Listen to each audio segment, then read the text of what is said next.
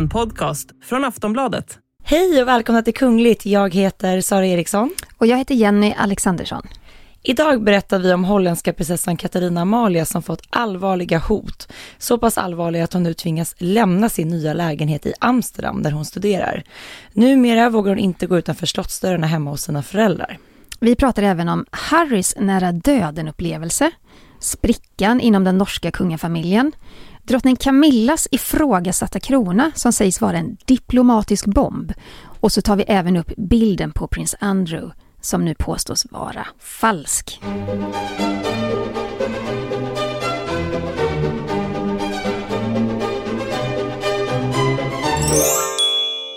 Vi börjar i Norge för att i början av september så pratade vi mycket om att prinsessa Märta Louise av Norges fästman shaman Derek Verrett hamnat i blåsväder. Och det här handlar ju om att Derek hävdar att hans, hans medaljonger som han säljer på sin hemsida då kan skydda mot covid. Han hävdar att de här medaljongerna har hjälpt honom att bli frisk och som sagt, vi har pratat väldigt mycket om det här för er som har lyssnat tidigare, men för ny, nytillkomna lyssnare så måste vi liksom ta en liten recap på vad det är som faktiskt har hänt. Ja, men Derek Verrett, han var ju på besök i Norge i juni, tror jag att det var. Mm. Eh, och då fick han faktiskt covid. Han blev inlagd på sjukhus, vägrade medicinsk behandling eh, och han menade på att nej, men anledningen till att jag är sjuk det är för att jag har gett för mycket av min energi till andra och inte tagit hand om mig själv. Men istället då för att få medicin eller bli inlagd, då förlitar han sig på de här medaljongerna som han säljer på sin hemsida. Han kallar dem för Spirit, Spirit Optimizer och eh, han beskriver det som citat avancerad spirituell teknologi för spirit hacking och optimalisering. Det är väl ingen som förstår vad det är, antar jag. Nej. Eller han gör väl det. Han gör nog det. Och de här medaljongerna, de säljer han som sagt på sin hemsida. Och de kostar ju 2300 kronor styck. Och eh, när det här då blev känt och när han själv uttalade sig kring det här så var det ju ja, men, norska läkare och experter som avfärdade dess nytta. Och liksom, Såklart. Ja, och kritiska röster kallade liksom hans försäljning för ja, men ett, ett lurendrejeri och någonting som helt saknar grund. Ja, men det pratar vi om också. Det här har vi rasat över. Det handlar ju om att man, det är en grupp människor då som är väldigt utsatta, som han då vill prångla på medaljonger istället. Mm. Och hans försvar har hela tiden varit att nej men jag talar bara utifrån egen sak, hur jag upplever det. Och det är ett lätt sätt att undgå ansvar. Men på hans hemsida så är då de här väldigt dyra medaljongerna till salu. Ja, och det här blev ju en väldigt stor grej såklart i Norge.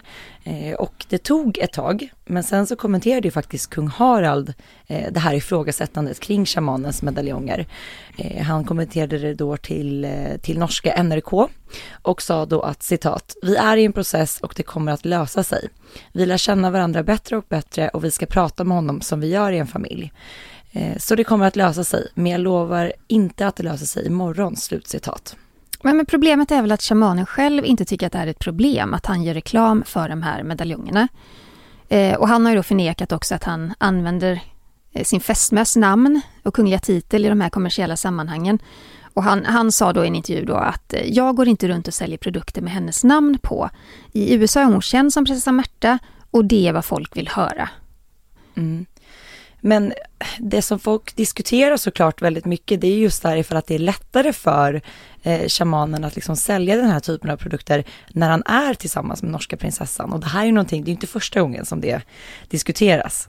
Nej, och jag menar, det är väl en ganska självklar fråga att svara ja på. Eh, själv säger han då nej. Mm. Eh, han säger att jag var redan enormt framgångsrik innan hon kom in i bilden. Eh, då hon kom ogillade vi mest att folk försökte klumpa ihop oss som prinsessan och shamanen. Men nej, nej, nej, vänta lite nej, nej, nej. Det här är någonting som de har gjort själva.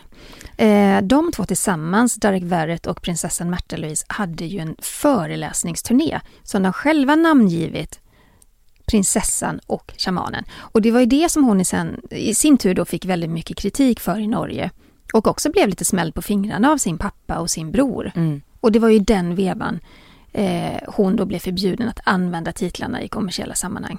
Ja men hela den turnén ledde ju till just att, att eh, Märta Louise tillsammans med sin bror och sin pappa behövde sätta sig ner och diskutera hur och när man använder sina kungliga titlar, eh, prinsessan Märta Louise i det här fallet. Och som du sa Jenny så ledde ju det till att, att Märta Louise bland annat behövde liksom eh, skilja på liksom sin roll som eh, kunglighet, kunglighet och när hon representerar hovet och när hon då till exempel gör reklam för, för egen verksamhet eller, eller andra saker eller i det här fallet då eh, shamanens turné. Och eh, det ska sägas att Märta Louise är ju inte kunglig höghet sedan 2002. Hon avsades ju den titeln i samband med eh, bröllopet med Ari Ben. Men hon är ju fortsatt prinsessa. Och eh, dels då så fick hon ju till exempel skapa ett nytt Instagramkonto i och med att vi då under en period hade sett henne göra reklam för diverse olika saker och ting under då namnet eh, prinsessa Märta Louise. Ja. Och då startade hon det här I am Märta Louise. Och idag besitter hon två Instagramkonton där hon då skiftar beroende på vad hon skriver om och vad hon publicerar. Varav det ena tycker jag i alla fall kan klassas som ett rent influencerkonto. För det är fullt av reklam och det är fullt av produkter. Eh, vilket jag tycker inte passar sig i hennes semiroll som kunglig får man väl ändå säga. Men det är inte det enda hon blivit kritiserad för genom åren. Eh, det var ju också så att hon startade en änglaskola. Mm. Hon påstod att hon kunde tala med änglar. Och den här utbildningen, den var ganska dyr. Det var ingen billig terminsavgift på den så att säga.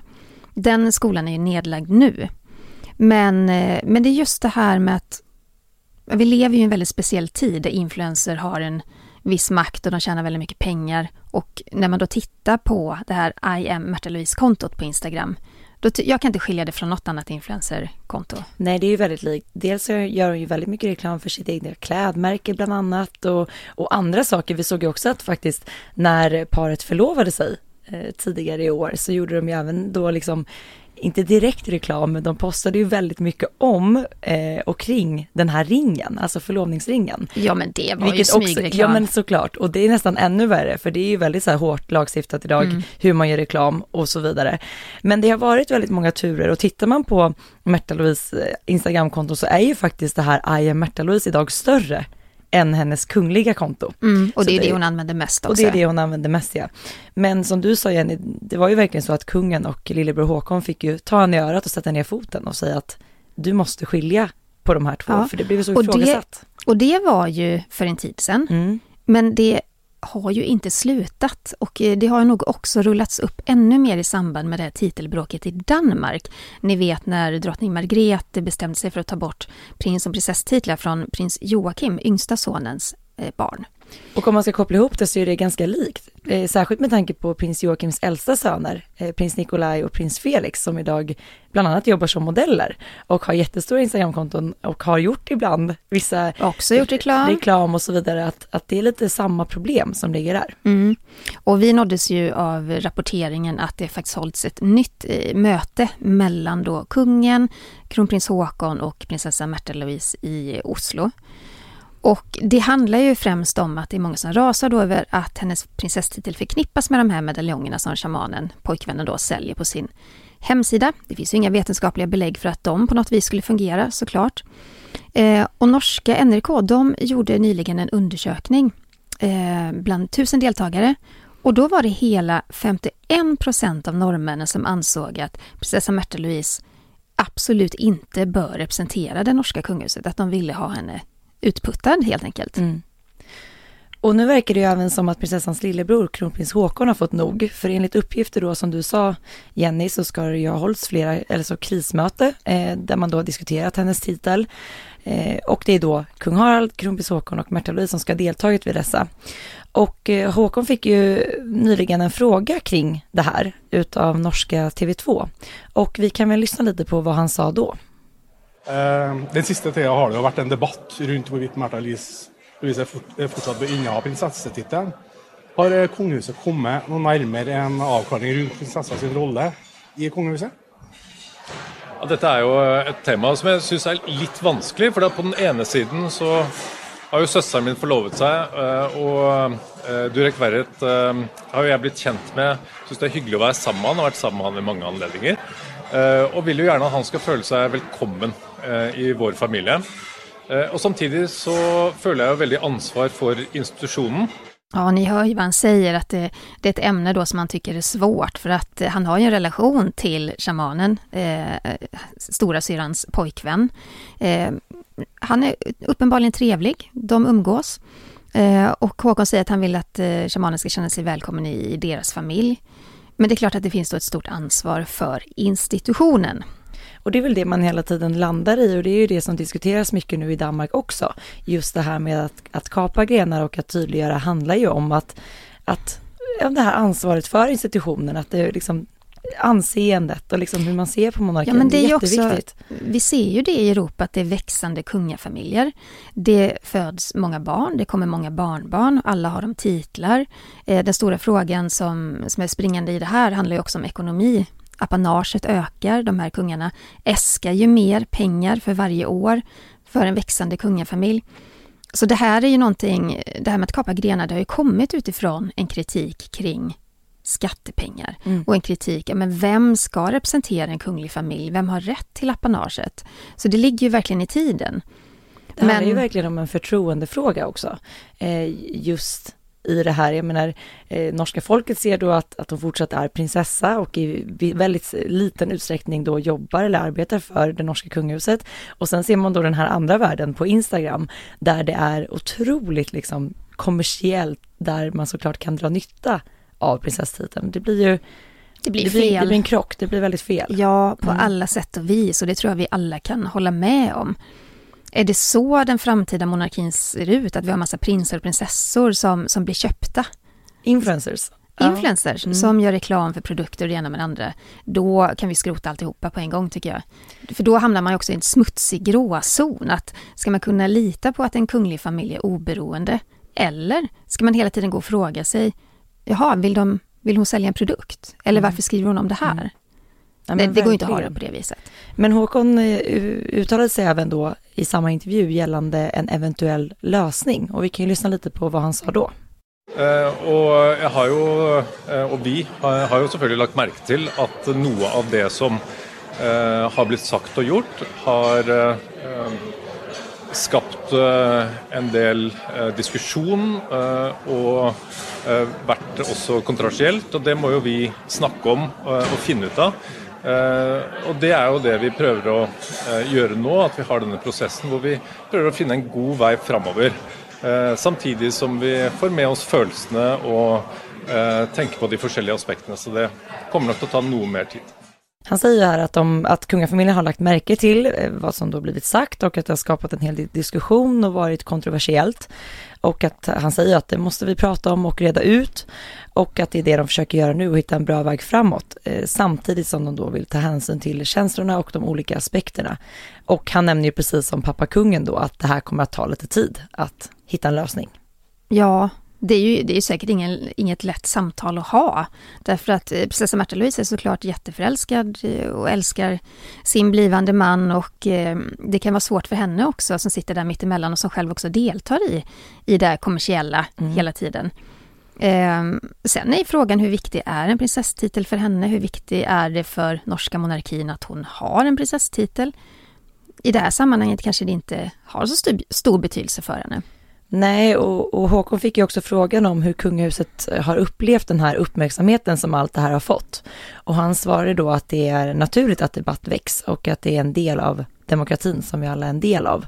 Men frågan är nu vad, vad vi, du och jag, Jenny, tror kommer hända nu. Ja, men jag tror att det, det finns ju bara två vägar att gå. Antingen så får ju prinsessa Märta Louise städa upp eh, kring alla dessa varumärken, reklam och, och diverse influencergrejer hon håller på med.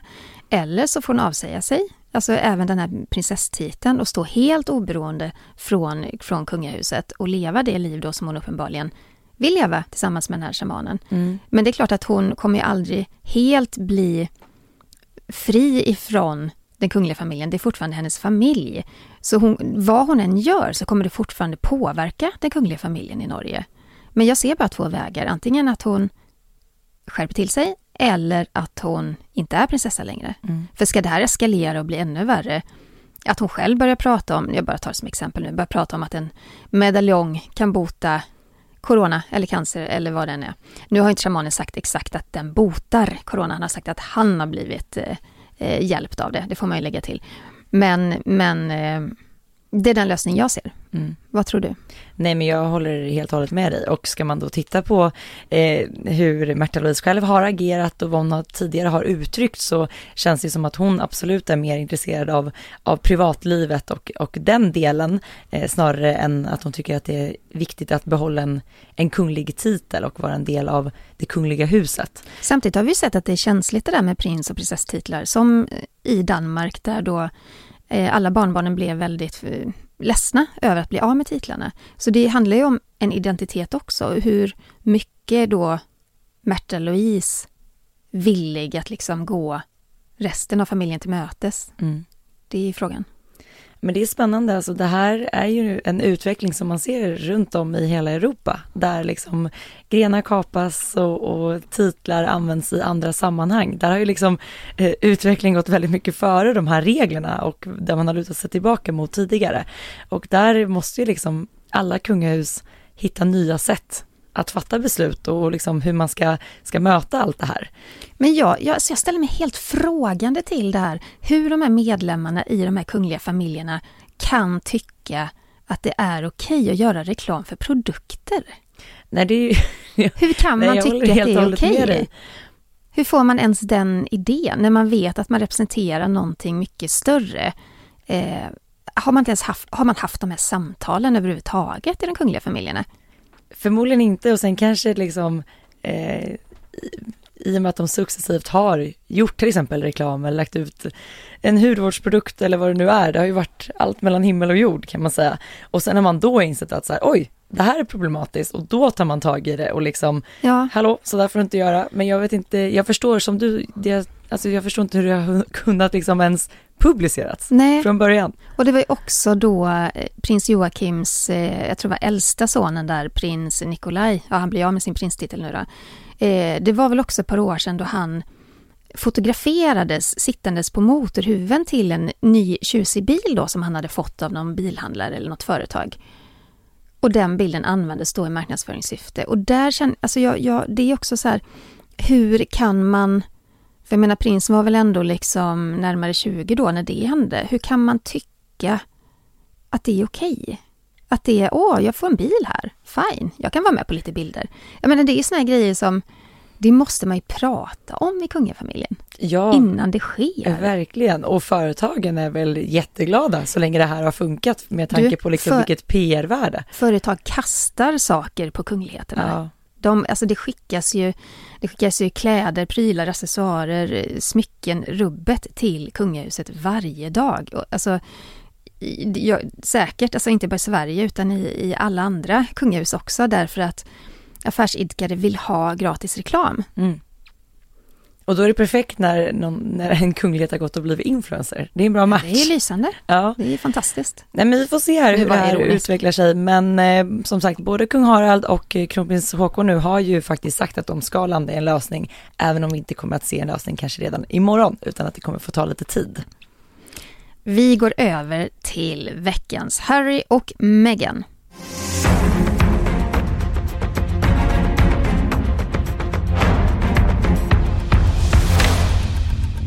Och vi ska prata om prins Harrys nära döden-upplevelse. Det här är någonting som avslöjas i Katie Nichols bok Harry, Life, Loss and Love. Och där beskrivs en situation som prinsen var med om 2015. Den beskrivs i detalj. Prins Harry deltog i ett projekt i Botswana för att bevara och rädda utrotningshotade noshörningar. Och under prinsens då två veckor långa besök så deltog han tillsammans med en grupp då som, som bland annat fångade in noshörningar för att flytta dem till en säkrare plats. Och det var då när en av de här noshörningarna skulle förflyttas så hade den inte fått en tillräckligt hög dos eller kanske inte, det hade inte bitit lika bra med det här lugnande medlet. Så när Harry då tillsammans med sina medarbetare närmade sig den så gick den liksom till attack och drog med sig, alltså Harry och alla de här andra männen, en bit. Alltså de hade någon form av rep förstod jag det som. Alltså, och att noshörningen gick liksom loco. Jag tror att en lock och noshörning ska man nog akta sig för väldigt, väldigt noga. Mm. I Katies bok då så berättar en av de här naturvårdarna, Map Ives, att trots då att noshörningen hade injicerats med lugnande medel så var den fortfarande tillräckligt vaken och tillräckligt, tillräckligt stark för att då komma på fötter och börja vackla framåt. Och så berättar den här naturvårdaren då att eh, noshörningen drog runt Harry och de andra sex männen som då höll fast noshörningen i ett rep. Och alla drogs med cirka 20 meter. Det är ju ändå ganska Långt. Tänk vilken styrka och kraft det ligger i en sån noshörning. Ja. Men de fick ju stopp på den till slut då. Och ingen kom till skada. Men, eh, men han berättade att Harry han, han tog det hela med fattning och eh, med humor. Och att han då kunde se på den här incidenten med, med glimten i ögat. Oh, jag hade blivit väldigt rädd tror jag. Men det är som med alla stora gigantiska djur. Jag har Mm. väldigt respekt för... Ja, gud, det har Jag, jag, vågar, också. skulle inte våga mig, närma mig någon sån. Då ska den sova djupt Ja, om man ska närma sig dem. ja, ja men verkligen. Ja, Vi fortsätter i Storbritannien tycker jag. För eh, sakta men säkert så närmar vi oss kröning. Det är i och för sig inte förrän den 6 maj nästa år. Men brittiska tidningar är ju fulla med rapportering kring det här det kan man verkligen läsa om varje dag. Det, det tar aldrig slut. Det kommer ju pågå. Eh, när drottning Elizabeth firar sina 70 år på tronen den 6 februari i år så meddelade hon ju att när den här tiden kommer, när hon inte finns i livet längre, så vill hon ju då att hon ville se Camilla, som då var hertiginna av Cornwall, ha titeln Queen Consort. Alltså en regerande kungs gemål betyder ju det. Och det här var ju, när det här kom ut så var det någonting som ändå förvånade ganska så många eftersom att, ja men under många år så har man ju pratat om, inte minst då i samband med Charles och Camillas bröllop 2005, om att Camilla faktiskt inte skulle få den titeln utan snarare kanske bli kallad för Princess Consort. Och, eh, men ja, det här, det här yttrade då drottning Elizabeth och det var hennes vilja och vädjan till folket att också ta emot Camilla som Queen Consort. Och en talesperson för paret sa då att de var väldigt rörda och hedrade över drottningens beslut och uttalande. Mm. Och eh, den 8 september 2022 så somnade drottningen in. Och i samma sekund då blev ju hennes son prins Charles kung. Och därmed så blev ju Camilla då Queen Consort. Och nu står det klart då att eh, kröningen kommer ske i Westminster Abbey den 6 maj nästa år. Och då kommer ju även Camilla att krönas, men det kommer ske på ett lite mer nedtonat sätt. Men det som är nytt i det här är att det pratas väldigt mycket nu om att Camillas titel kan komma att ändras. Och enligt källor då nära hovet som har pratat med brittiska tidningar så planerar då Buckingham Palace att ta bort just det här Queen Consort, det här consort. Så att hon helt enkelt kallas bara för drottning, Mm. Queen helt enkelt. Och man har väl sett också på hur populär Camilla har blivit bland, bland britterna och att det finns en helt annan attityd mot henne nu jämfört med ja, men för 20 år sedan när det var mycket mer aktuellt det här med Charles, Diana och Camilla och den här otroheten. Men eh, om det nu blir så då att, att man bestämmer sig för att hon är Queen och inte Queen Consort så är hon faktiskt inte först med det. Nej, För så var fallet även med drottning Elizabeths mamma, drottningmodern då. Eh, även med drottning Mary och drottning Alexandra, så det har förekommit tidigare i historien. Mm. Och det är klart, jag menar, det ser, jag tycker redan man ser det nu också, även om inte en kröning har genomförts, att man kallar henne ju oftast för drottning Camilla, inte liksom Queen Consort så fort man ska titulera henne eller skriva om henne. Så att redan där ser vi faktiskt ett, ett skifte. Men just det här kring att det var så känsligt med den här titeln, det handlar ju väldigt mycket om att den förknippades med Diana. För det var ju så man pratade, under tiden som Diana och Charles led levde tillsammans så pratade man ju om Diana som att hon då en dag skulle bli just Queen Consort. Men som du sa Jenny, alltså åren har gått och idag har ju folket kanske en mer, en helt, eller de har en helt annan bild av Camilla och liksom har tagit emot henne på ett helt annat sätt mot hur det såg ut för 20-25 år sedan. Vi tar en liten paus och när vi är tillbaka kommer vi att prata om skandaldiamanten som skapat en diplomatisk kris.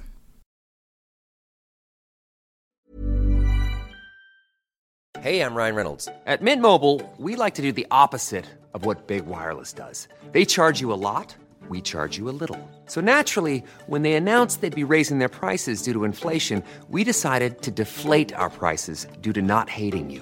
That's right. We're cutting the price of Mint Unlimited from $30 a month to just $15 a month. Give it a try at mintmobile.com slash switch. $45 upfront for three months plus taxes and fees. Promo rate for new customers for limited time. Unlimited more than 40 gigabytes per month. Slows. Full terms at mintmobile.com. Nu är vi tillbaka igen och vi ska prata om en väldigt, väldigt speciell diamant. Och apropå kröningen så diskuteras ju detaljerna kring den. En och annan detalj du. Väldigt intensivt.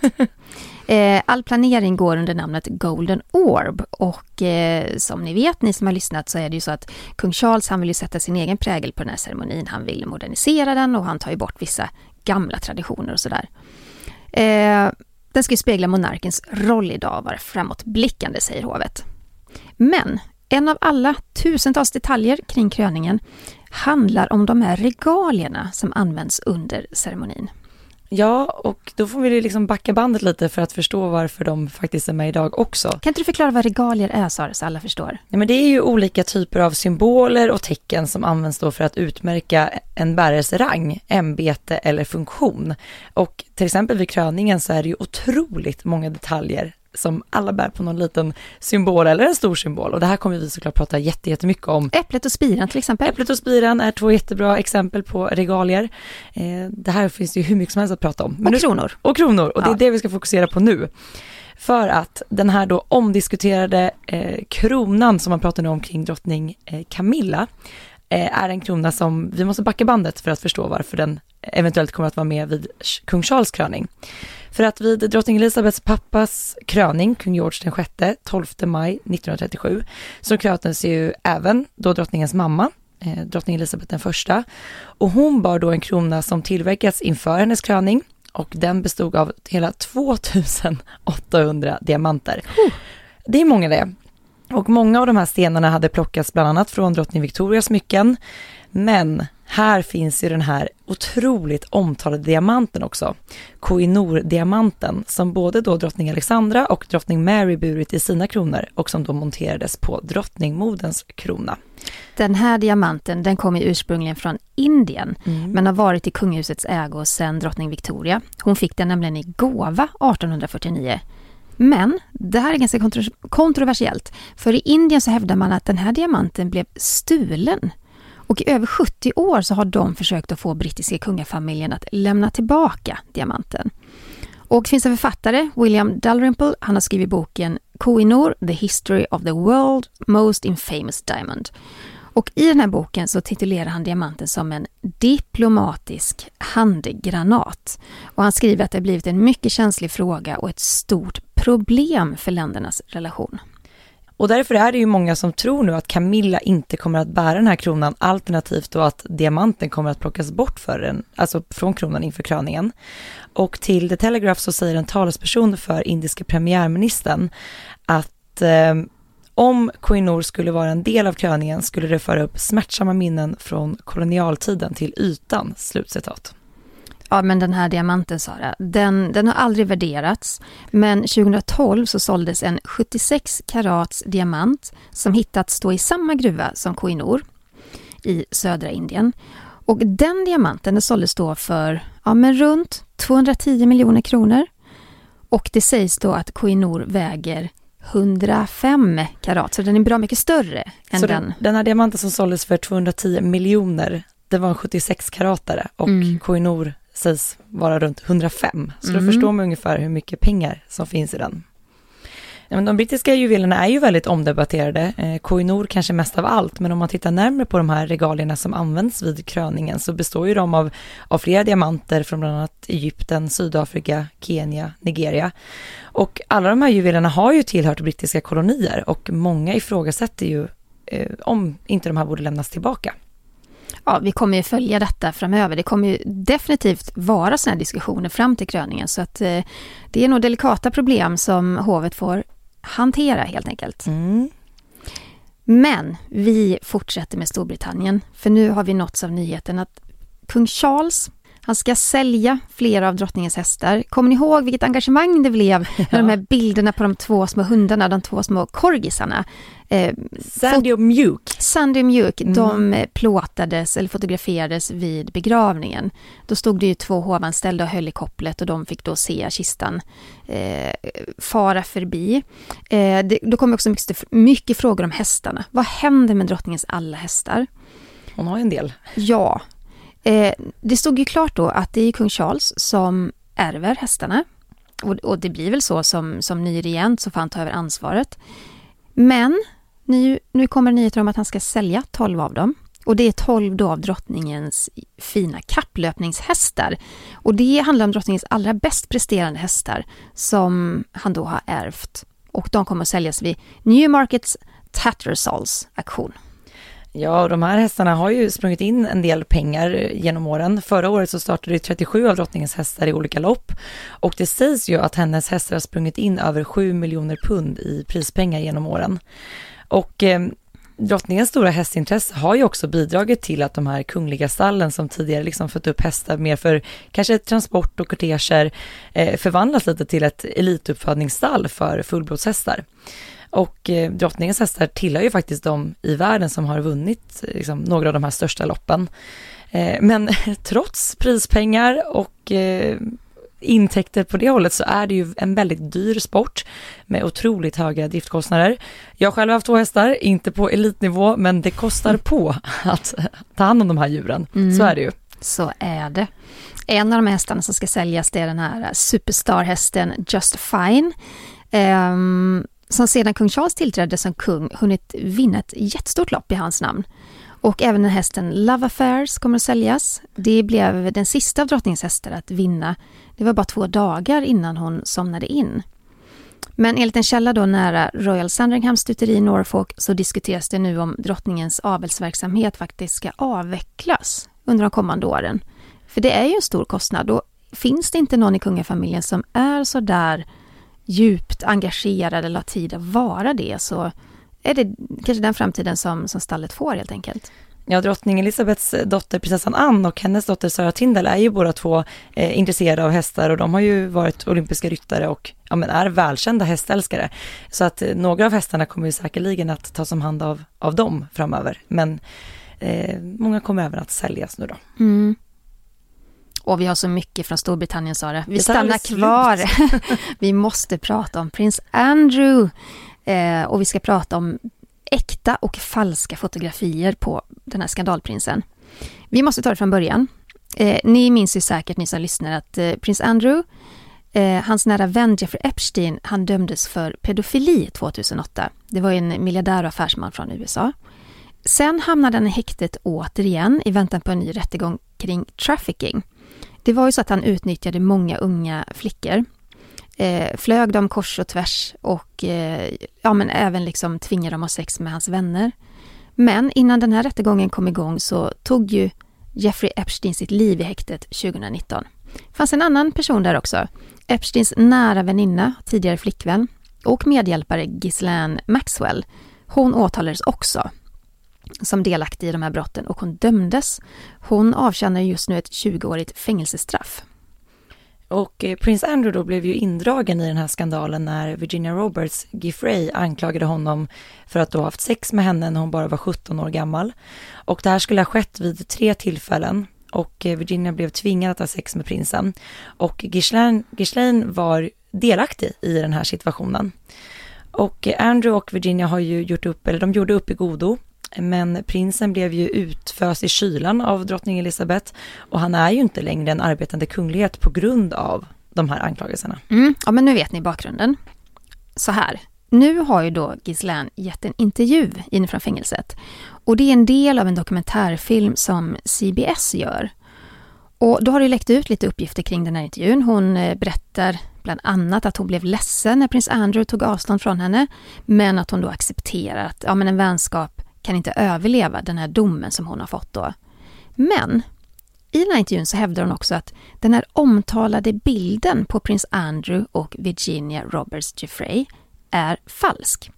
Om ni kommer ihåg den, många av er har säkert sett den, men det är ju en bild när prins Andrew står och håller om Virginias midja. Eh, de ler båda mot kameran, eh, man ser att Virginia är väldigt ung. Bakom den så står då Gislaine och så ler hon väldigt stort. Eh, den ska ha blivit tagen då 2001 av Epstein.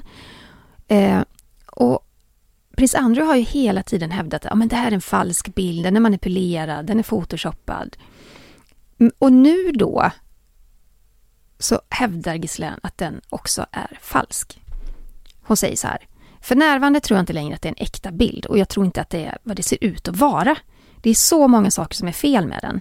Så fort min överklagan är över så diskuterar jag gärna detta med dig. Och det säger hon till en av de här reportrarna då.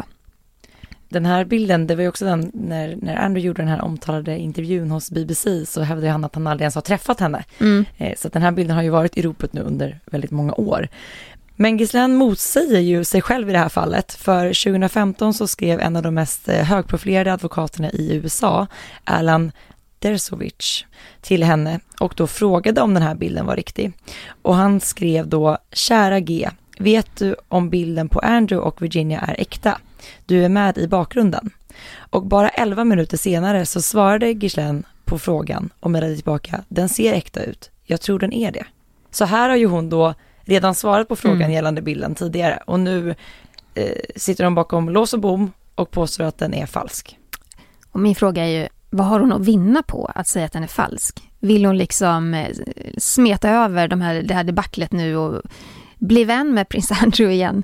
Nej, det, det lär ju aldrig hända så att det är så konstigt att hon hävdar nu motsatsen. Jag bara tänker, det är den första frågan man ställer sig när folk håller på så här. Vad har personen att vinna mm. på att ändra sig eller säga någonting annat? Nej, hon är ju dömd. Hon ska liksom sitta av sitt straff, avtjäna straffet. Ja. Så att det kommer inte förändra hennes situation. Nej. En annan person som har fått en väldigt förändrad situation, det är prinsessan Katarina Amalia av Nederländerna. Och här blir det väldigt allvarligt, för hon har utsatts för hot och riktigt eh, tuffa sådana hot. Hon började studera på Amsterdams universitet för ungefär en månad sedan. Jag tror vi sa någonting om det i podden mm. också, när hon mm. flyttade. Hon hade fått en, ja, men sin allra första egna lägenhet. De kallade det studentlägenhet, men det var det såklart inte. Det var nog mycket finare än så. Och Katarina Amalia, hon är ju eh, 18 år gammal och det skulle vara första steget till ett mer självständigt och vuxet liv. Och det är jättespännande och roligt såklart. Hon skulle plugga, eller hon ska plugga då politik, psykologi, juridik och ekonomi på universitetet i Amsterdam. Men det här blev ju istället en, en mardröm för prinsessan, för att på grund av hot och en ökad risk för hennes liv så har hon nu tvingats flytta hem till sina föräldrar igen. Eh, och det handlar om att det finns en risk att hon blir måltavla för kriminella grupper. Det rapporterar då nyhetsbyrån ANP. Och Nederländska kungaparet, eller kungahuset, var ju nyligen på statsbesök i Sverige och på den sista dagen i Göteborg så fick faktiskt eh, kung William Alexander och drottning Maxima frågor om sin dotter. Och eh, Maxima berättade då att de var väldigt oroliga för Amalia och att hon i stort sett liksom var, var bunden till hemmet numera. Att hon då läm endast lämnar hemmet för att delta vid föreläsningar vid Amsterdams universitet. Och det här är ju jättehemskt. Nej men det är så vidrigt att det, att det ska behöva vara på det viset. Eh, det ska ju mycket till, tänker jag, att man flyttar på en prinsessa istället för att stärka då, då har man ju ansett att, att stärka säkerheten kring henne inte räcker, utan man måste flytta på henne. Mm. Och drottning Maxima sa ju så här då att citat, konsekvenserna är väldigt svåra för henne. Hon kan inte ha ett vanligt studentliv som andra har. Och det, det värsta är att de här människorna lever ju med de här hoten hela tiden och det är inte första gången som just Amalia, prinsessan Amalia är hotad. För två år sedan så var hon då förföljd av en stalker. Jag vet att jag skrev mycket om det i Aftonbladet när det hände.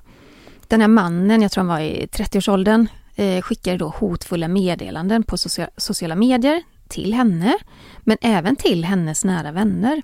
Och han satte verkligen skräck i hela kungafamiljen. Just för att hans hälsningar var ja, men det var liksom våldsamma, de, de var sexuella, de var otroligt skrämmande. Och han hotade henne även då till livet och det är klart att det skapar enorm oro i en familj. Och den här mannen som du pratar om nu Jenny, han greps ju och åtalades. Och han var en före detta militär och eh, försvarade sig med att han var full när han skrev de här meddelandena. Och att han sedan då raderade hoten. Och mannen fick tre månaders fängelse och eh, måste även genomgå eh, psykiatrisk behandling. Men jag menar, det är fortfarande satt spår i henne såklart, att ha behövt uppleva det här och blivit hotad. Ja men verkligen, alltså, jag tror inte man kan föreställa sig riktigt. Jag tror vi kommer få anledning att prata mer om det här framöver eh, och kanske också Sara att vi ska ta ett större grepp på just det här med hot och säkerhet kring kungligheter. För det är ju någonting som i den värld vi lever i nu kanske blir vanligare och vanligare. Ja, tyvärr. Men vi har också fått en lyssnarfråga som handlar om kung Willem Alexander. Ja, det är en fråga ifrån Anna som skriver så här. Hej! Kung Willem Alexander av Nederländerna bar inte uniform på drottning Elisabeths begravning. Vad beror det på? Mm, jättespännande fråga, för han bar nämligen inte uniform här i Sverige heller, fastän våran kung gjorde det. Och det var många som reagerade på det. Men så här är det. Eh, kung Willem Alexander, han var ju innan han blev kung väldigt aktiv inom Försvarsmakten. Men när han då blev regent så lämnade han sina uppdrag inom Försvarsmakten och det var ju 2013. Och det handlar ju om att regeringen då deklarerade att en regent kan inte få vara aktiv inom försvaret. För att eh, regeringen är ju då liksom eh, chefar ju över hela mm. Försvarsmakten så att säga. Eh, det, är lite, det, det skiljer sig från, från länder. Så är det i Nederländerna. Men det händer då att faktiskt kung Wilhelm Alexander bär uniform, men det är vid mycket högtidliga tillfällen. Och då saknar den här uniformen alla tecken på militär rang. Mm. Så det var därför vi inte såg honom vid eh, drottning Elisabeths begravning i uniform och inte här hem, hemma heller vid statsbesöket. Men det är klart det finns tillfällen då, då han bär det. Vi har också fått en fråga ifrån Alva som skriver så här. Jag vill först bara säga att jag älskar er podd Kungligt. Så intressant att lyssna på. Tack. Tack Alva. Jag har en fråga som jag jättegärna hoppas få svar på. De kungliga här i Sverige har ju oftast tiaror eller diadem på sig vid bröllop, fester och så vidare. Men i Storbritannien så har de oftast bara hatt på sig. Det känns som man sällan ser dem med tiara. Varför är det så? Men i Storbritannien så är klädkoden hatt för damer vid formella tillfällen. Diadem eller tiara om man vill kalla det så bär man eh, först efter klockan 18 och då är det gifta kvinnor i kungafamiljen som bär diadem. Och de bär endast diadem när klädkoden är frack eller smoking. Så det är skillnaden. Eh, som hon nämner där till exempel vid bröllopen här i Sverige så har vi sett kungligheterna bära diadem fast det är vid, på eftermiddagstid och det gör man alltså inte i Storbritannien. Även om jag och det känns som att Alva kanske håller med mig här önskar att vi skulle se diadem oftare även i brittiska kungahuset. Vi har också fått en fråga ifrån Jenny som skriver så här. Jag såg den senaste bilden på Estelle och Oskar när de plockar äpplen på Öland. Är det så att Oskar har ärvt sin pappas truckerkepsar. Åh, oh, den här truckerkepsen, kommer du ihåg hur, alltså när Victoria, kronprinsessan Victoria och prins Daniel träffades, vad mycket man skrev om Daniels kepsar, han hade ju på sig dem hela tiden. Men det var också för att det var lite inne och trendigt att ha just de här truckerkepsarna, det var ju lite speciellt. Ja. Och han som då PT på ett gym, och var lite avslappnad klädd. Han hade ju det ganska ofta, i början där i alla fall. Men jag tycker att det här är en väldigt rolig fråga ifrån Jenny, för att på den här bilden då, det är de här bilderna som kungahuset publicerade på, på Instagram och som både du och jag har postat på våra Instagramkonton. Det är ju då på prinsessan Estelle och prins Oscar som plockar äpplen och prins Oscar har ju då faktiskt exakt en sån här eh, trucker-keps eller trucker-keps bak och fram. Och den ser ju några storlekar för stor ut. Så det är inte helt omöjligt att det här är eh, pappa prins Daniels keps. Och jag tänker, ja men titta själv, alltså om jag tittar på vårt landställe, det hänger kepsar i hallen och den ena är äldre än den andra som man liksom tar på sig när man ska ut och kratta löv eller fixa i trädgården. Så att så kanske det även ser ut på Soliden. Och det kanske finns en samling där med lånekepsar som ja. man kan dra på sig. Jag tror mm. absolut att det är prins Daniels keps som Oscar har slängt bak och fram. Ja. Sen har det kommit en annan fråga här från Peter. Eh, jag vet inte om den är lite ironiskt ställd, men jag läser den ändå. Hur firar kungafamiljen i Danmark jul detta år? Det kan ju bli en aning stelt efter alla bråk om prins Joakims titlar. Och ja, det är klart att det kan bli.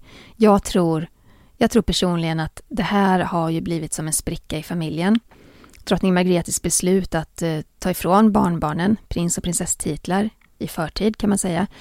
Eh, det blev ju väldigt infekterat. Både prins Joakim och prinsessan Marie, de, och även prinsessa, eller grevinnan Alexandra som är exfru till Joakim, mm.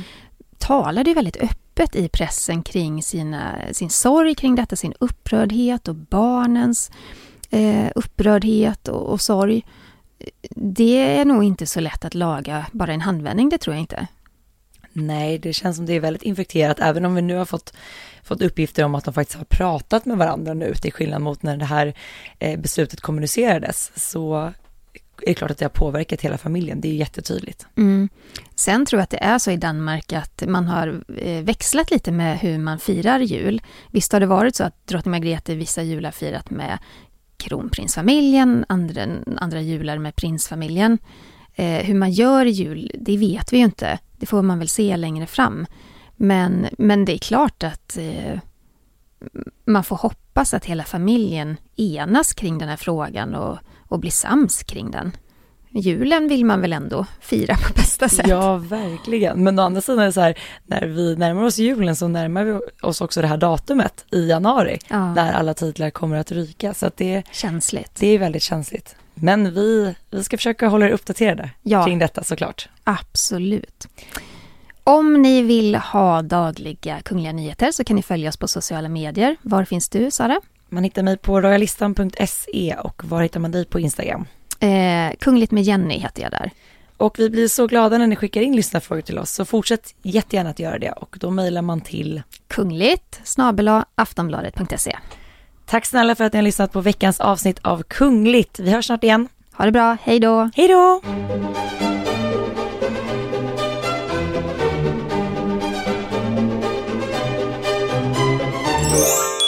Du har lyssnat på en podcast från Aftonbladet.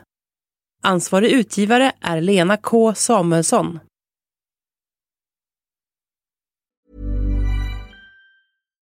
Millions of people have lost weight with personalized plans from Noom, like Evan, who can't stand salads and still lost 50 pounds.